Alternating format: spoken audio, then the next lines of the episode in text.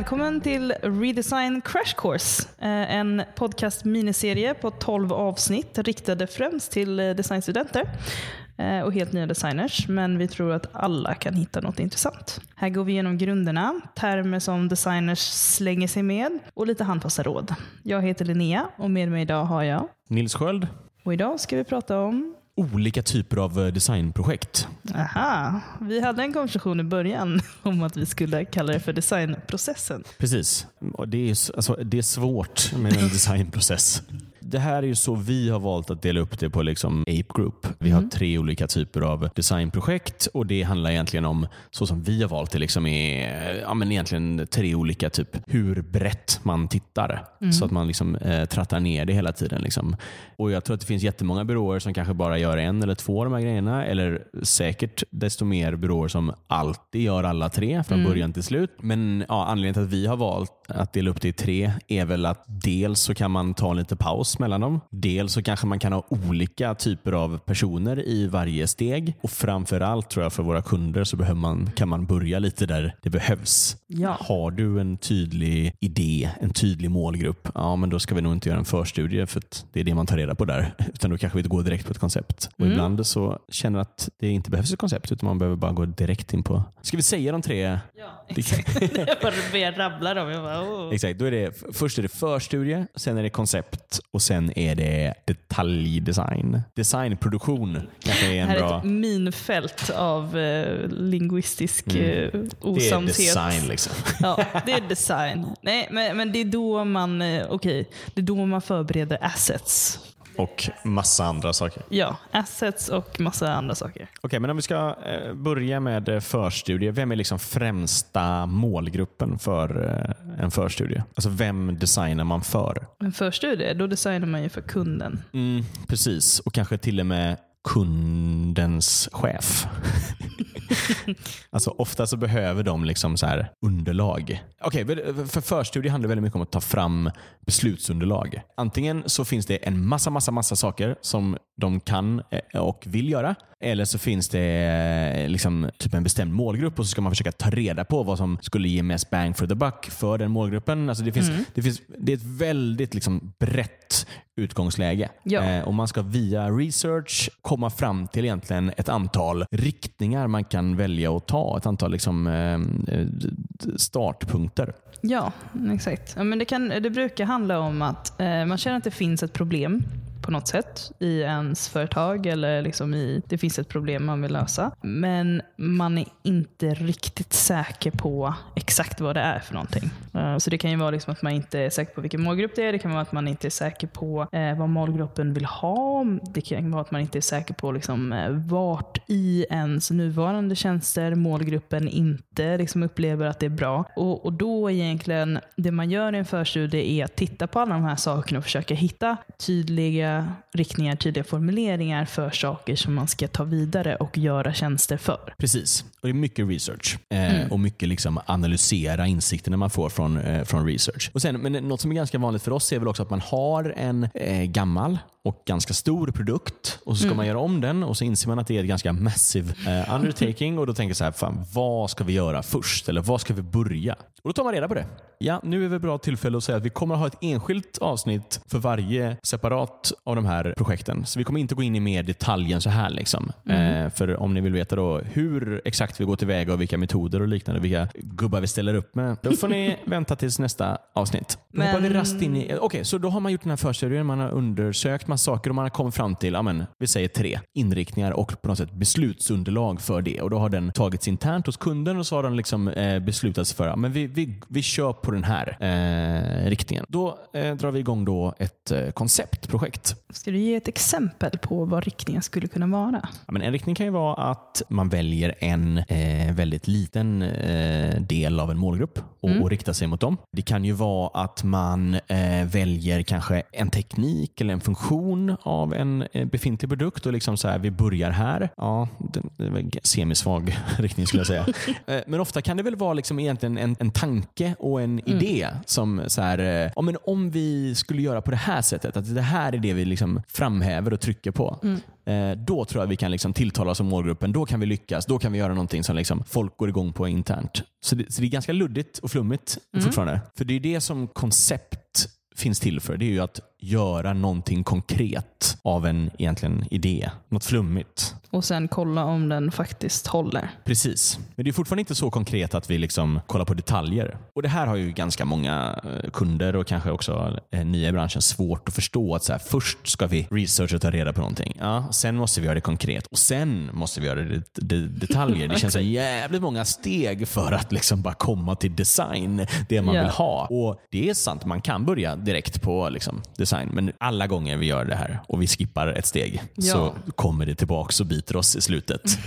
för att om vi, alltså vi säger att vi har bestämt oss för en målgrupp eller vi har bestämt oss för en liten subset av en riktning. Det finns hur många olika sätt att göra det på som helst. Och Ett koncept handlar ju om att vi ska spika vilken känsla den här liksom, eh, designen kommer ha. Vi ska spika liksom vilka grejer vi ska framhäva. Vi ska kanske spika en eller två liksom övergripande nyckelvyer för att få liksom hur, hur eh, tjänsten kommer kännas. Vi ska nog troligtvis spika liksom vad är huvudflödet. Vi ska liksom ta ganska många beslut i vad det är den här liksom produkten eller tjänsten kommer vara till slut. Och Det man framförallt då gör när man tar de här besluten är att man väljer bort väldigt, väldigt många andra saker. Mm. Och Det är ju väldigt praktiskt. Och sen Det som eh, man gör i slutet av varje konceptprojekt är ju att man använder testar en prototyp eller liksom någonting som har kommit ut ur konceptprojektet. Det kan vara en film, det kan vara någonting annat, men oftast så är det en prototyp som man sitter ner med en användare och så går man igenom flödet och så ser man vad funkar, vad funkar inte? Funkar den här idén på en övergripande nivå? Precis, Eh, och det är väl det som är de stora skillnaderna med. Att liksom att, dels att man har eh, trattat ner arbetet lite, men att förstudie handlar väldigt mycket om att göra research och sen analysera det och dra slutsatser utifrån det. Eh, Medan ett koncept handlar om att ta ta slutsatser och sen testa och validera det. Mm. Man vill vara väldigt säker på att det kommer flyga när man börjar med detaljerna. Exakt, och det är väl det som är eh, en av de stora anledningarna man ska göra ett konceptprojekt. är att eh, du kan validera alla hypoteser du har haft kring den här idén. Du kan konkretisera den här idén och du kan få liksom, använda feedback på ett väldigt tidigt stadie innan du har sunkit ner liksom, flera veckors arbete i att göra detaljerad design. För det är väl det som blir när man designar ut någonting i detalj och sen så utvecklar man det och så kommer det till användare och sen så kommer det fram att det liksom inte funkar alls i grunden eller att det är några jätte, liksom, små saker som användaren inte förstår men som förhindrar dem helt från att använda produkten. Det är ju så extremt onödigt att det händer i det steget och att det inte händer tidigare i processen. Innan man utvecklar någonting, innan man har gjort någonting, man bara har någon enkel prototyp, man testar med användare och så ser man, ja, ah, här funkar det, här funkar det inte. Ja, och jag menar det här görs ju i alla eh, designbranscher. Arkitekter ritar alltid upp en, liksom en, en bild av hur det kommer se ut. Och så kommer man de en modell. Precis, och så tittar man på den och tänker ja, det här låter, verkar supertrevligt, här kan jag bo bra. Och om tillräckligt många säger det, ja men då bygger man. Det är segt att först göra alla stegen och sen när den är klart bara tada! Det tycker jag är en sån spaning. Alltså, saker som är helt självklara i andra branscher, inte alls är självklara när det kommer till digital design. Jag tycker det är så underligt väldigt ofta. Vadå, att man inte... Ingen skulle bygga ett eh, hus utan att först rita upp en ritning av den och eh, koll, visa lite folk. Alltså, ingen skulle göra Ja, ja, det. ja. det skulle man, då skulle man ju vara helt sinnessjuk. Men jättemånga tycker att så kan man göra med eh, hemsidor och appar. Det är bara att köra. Behöver inte... Jag överdriver och det är såklart, det här är ju en, en kunskap som allt fler liksom har av våra kunder såklart. Men, men det är ju grundpremissen, liksom, att testa de generella grejerna i ett koncept så att vi kan göra detalj. För du vill inte ifrågasätta typ ett navigationsmönster när du sitter och gör ut assets. Nej, och sen samtidigt när du gör ett koncept så, så här, du behöver inte rita ut typ alla inställningsskärmar, du behöver inte rita ut alla, liksom, hur profilbilden ser ut, du behöver inte rita in hur liksom, sign-up-flödet ser ut, kanske beroende på liksom, vad tjänsten är. Alla de här admin-sidorna på något sätt som ligger utanför den huvudsakliga saken som du vill testa om det funkar, sparar du till detaljdesignsteget. Så egentligen så, så här, det är en väldigt streamlinad process där man liksom, du designar bara det som är viktigt och sen testar du bara det som är viktigt och sen ser du om det funkar. Och då har du sparat en massa tid som du annars skulle ha lagt på alla de här kringliggande sakerna innan du ens visste om det här var värt att bygga. Precis. Ett koncept står inte och faller på att man har alla states eller att man har empty eh, error states. Men det gör däremot en produkt. Så ja, frågan är hur mycket vi ska prata om liksom själva den sista. Jo, jag tycker att, för nu byter vi lite målgrupp.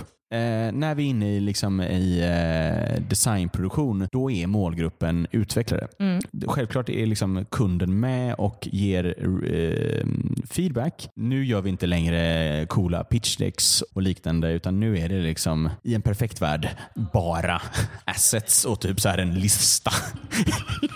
Nu Eh. är, det, nu är det Excel, det är liksom eh, ja, det är flowcharts, det är wireframes.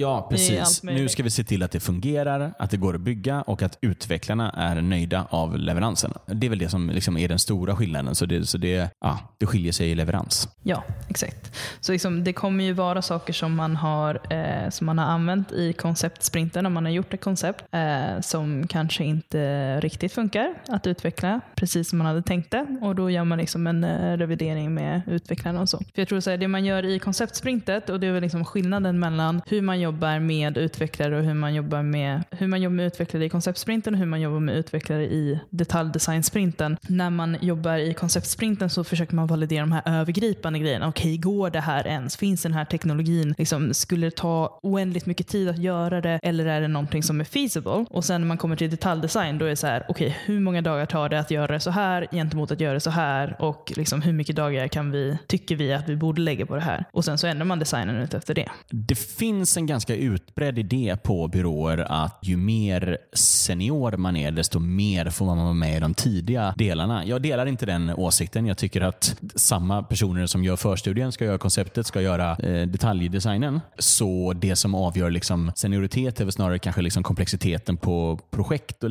eller kund. Eh, men var beredd på att du kanske får sitta bara med eh, designproduktion i början och sen få vara med på något koncept och sen när du har gjort det liksom få vara med på förstudien. Så fungerar det fortfarande tyvärr på många byråer. Men inte här. Nej, inte här.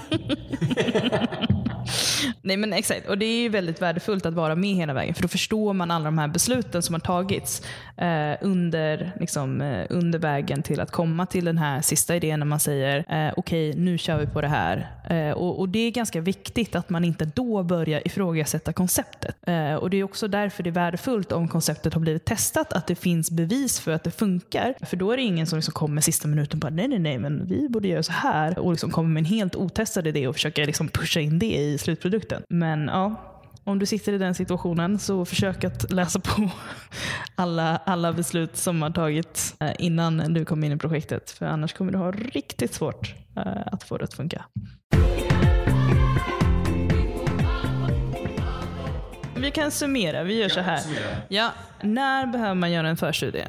När man inte riktigt vet vad man ska göra, vart man ska börja, hur, vem man ska göra det för. Och varför är det bra att köra en förstudie? Därför att du utgår från problemet man ska lösa. Du utgår från vilka man ska lösa det för. Du, ställer liksom, du börjar från rätt ände. Du går inte direkt på lösningen. Mm. Koncept? Det är när du ska göra någonting konkret som alla förstår. En riktning som alla liksom kan jobba mot.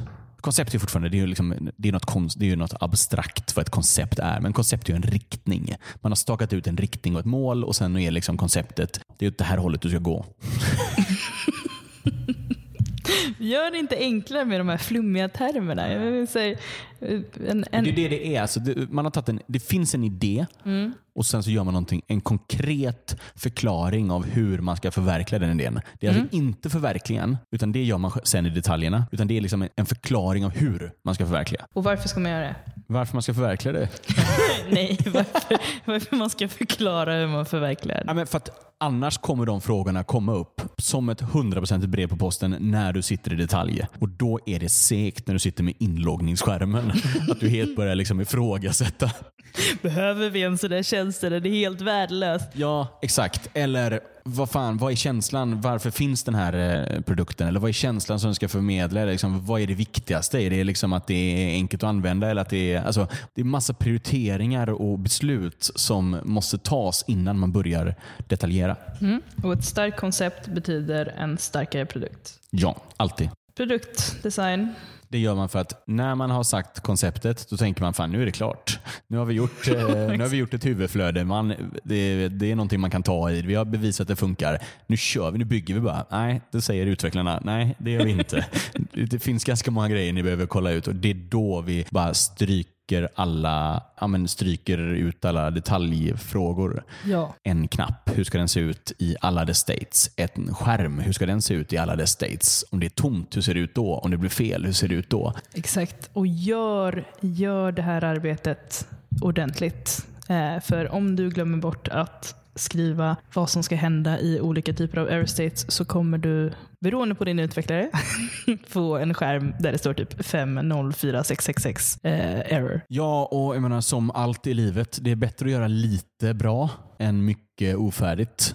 Ja, Ja, men så om, alltså, ovanligt filosofiskt av dig. Ja, men det är mycket bättre att göra kanske en liten del av då den här produkten som ska göras, men se till att empty states, error states eh, och clicked state och alla de är med. Eller att man får feeling och säger fan jag gör 27 states och sen bara får, det där hoppas vi löser sig av någon annan. Det där löser utvecklarna. För det gör de säkert, men det blir eh, det är Ja. bättre att... Det blir oftast inte som man hade tänkt sig. Eh, och eh, Jag tror att som liksom, designer sitter du oftast på en ganska mycket tankar kring hur du vill att saker och ting ska fungera för att du känner igen dig i alla frustrationer som du har haft. Till exempel med ett loginfält som inte berättar för dig vad det är som är fel. Och liksom Lägg tid på det här och gör det här för alla de här små detaljerna är jätteviktiga för att skapa en bra upplevelse. Amen. Sådär. Ja, då syns vi igen nästa vecka när vi ska prata om något... eh, ja, vi går väl igen ett av de här eh, projekten va? Eh, ja, nästa vecka så kommer vi prata om eh, förstudie lite närmare. Hej då! Hej då!